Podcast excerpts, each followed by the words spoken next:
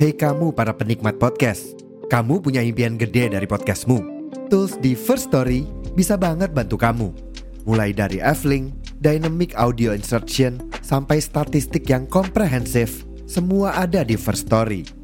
Gak ketinggalan, kamu bisa monetisasi podcastmu lewat iklan dari First Story Ads yang bisa kasih kamu penghasilan dari setiap place podcastmu.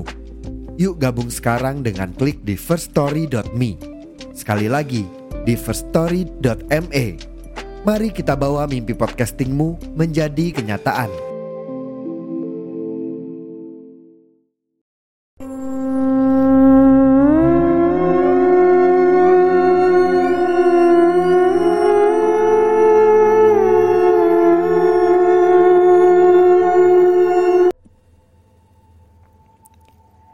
Assalamualaikum warahmatullahi wabarakatuh Listener setia podcast kisah lembut Senang banget di kesempatan kali ini Aku kembali hadir menyapa teman-teman semua. Walaupun jarang banget ya Aku upload episode terbaru Tapi setiap ada cerita terbaru Pasti aku langsung Tet episode terbaru Dan aku langsung share ke teman-teman semua.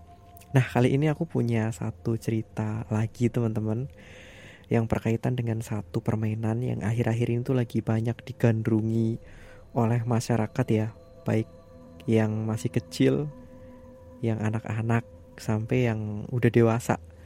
Bahkan presiden pun pernah mainan-mainan ini ya. Apalagi kalau bukan lato-lato. Nah, ngomong-ngomong tentang permainan lato-lato nih teman-teman, aku punya satu cerita tersendiri dengan mainan ini ya. Dengan mainan lato-lato ini Pertama kali aku dengar suara mainan lato-lato itu waktu aku di kosan ya. Sekarang ini sih aku lagi di rumah, aku lagi di kampung halaman. Nah, pertama kali aku dengar permainan lato-lato, aku waktu itu di kosan. Aku kan pulang kuliah nih, teman-teman. Karena pulang kuliah, kuliah full kebenaran ya, dari pagi sampai sore full luring jadi kan pulang-pulang kan capek gitu kan pengen istirahat nah aku tuh denger suara berisik tek tek tek tek tek gitu ya. Dan aku tahu yang mainan itu tuh cucu-cucunya ibu kosku yang kebetulan mainannya di depan kamarku. Tapi awalnya aku pikir itu mainan baling-baling ya. Kan ada tuh mainan baling-baling yang kalau diputer kena angin nanti bunyi tek tek tek tek gitu ya. Suaranya mirip lato-lato juga tapi lebih kenceng lato-lato sih menurut aku. Nah awalnya aku pikir suara itu aku tuh ngerasa sedikit terganggu gitu ya. Karena pengen istirahat ada suara itu yang berisik banget. Aku lihat keluar. Awalnya aku pengen negur ya jangan berisik di sini mainannya sana di luar gitu. Tapi pas aku negur itu sebelum aku negur ya mohon maaf. Sebelum aku negur aku tuh ngelihat mainannya aku tertarik. Wah ini mainan lato-lato yang dulu waktu aku kecil aku mainan ini juga gitu.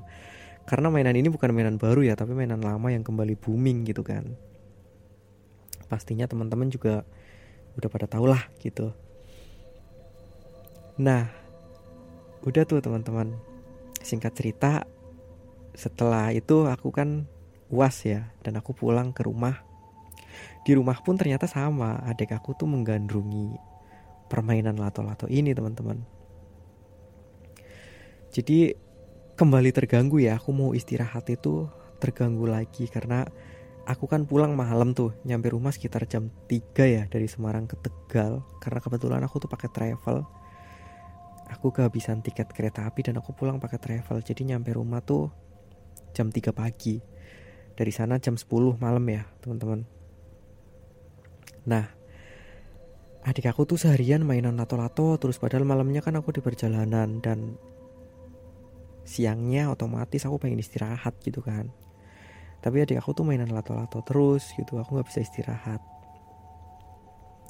Udah singkat cerita, malamnya, malamnya nih teman-teman, aku dengar suara lato-lato tuh sekitar jam satu malam coba bayangin. Jam satu malam ada suara lato-lato. Ya awalnya aku pikir ini siapa yang mainan lato-lato? Adikku masa belum tidur gitu. Kan nggak mungkin kan? Karena rumah juga udah sepi gitu. Nah karena aku tuh udah ngerasa terganggu banget gitu ya. Akhirnya aku tuh keluar dari kamar pengen negur. Mungkin adik aku yang mainan lato-lato. Giliran aku keluar dari kamar buka pintu ternyata di sana yang mainan lato-lato bukan adik aku dong. Tapi ada sosok orang tua gitu ya sosok nenek-nenek yang mohon maaf bertubuh anak kecil bertubuh kerdil gitu lagi mainan lato-latonya adikku teman-teman. Ya di situ aku merinding banget kan. Sampai sekarang pun aku cerita merinding ya karena ini tengah malam juga. Nah otomatis aku langsung tutup pintu kamar dan aku langsung tidur gitu. Aku nggak menghiraukan suara lato-lato itu lagi. Dan sepertinya itu cuma aku yang dengar teman-teman. Karena ibu aku bapakku nggak ada yang ngebangun gitu kan kayak aku doang sih yang dengar gitu. Dan cerita ini udah sempet aku bikinin video shortnya ya di channel YouTube Surat Horor.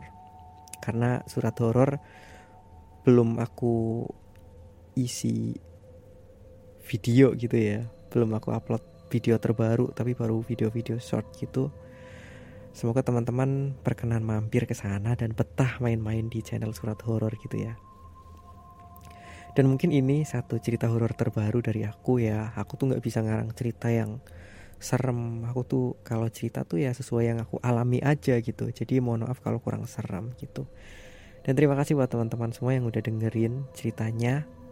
Dan tentunya banyak banget kekurangan ya di episode kisah lembut ini. Untuk itu aku mohon maaf sama teman-teman semuanya. Aku tuh tujuannya pengen sharing cerita aja gitu. Apa yang aku alami aku share ke teman-teman semua dan tentunya aku mohon maaf kalau banyak kekurangan.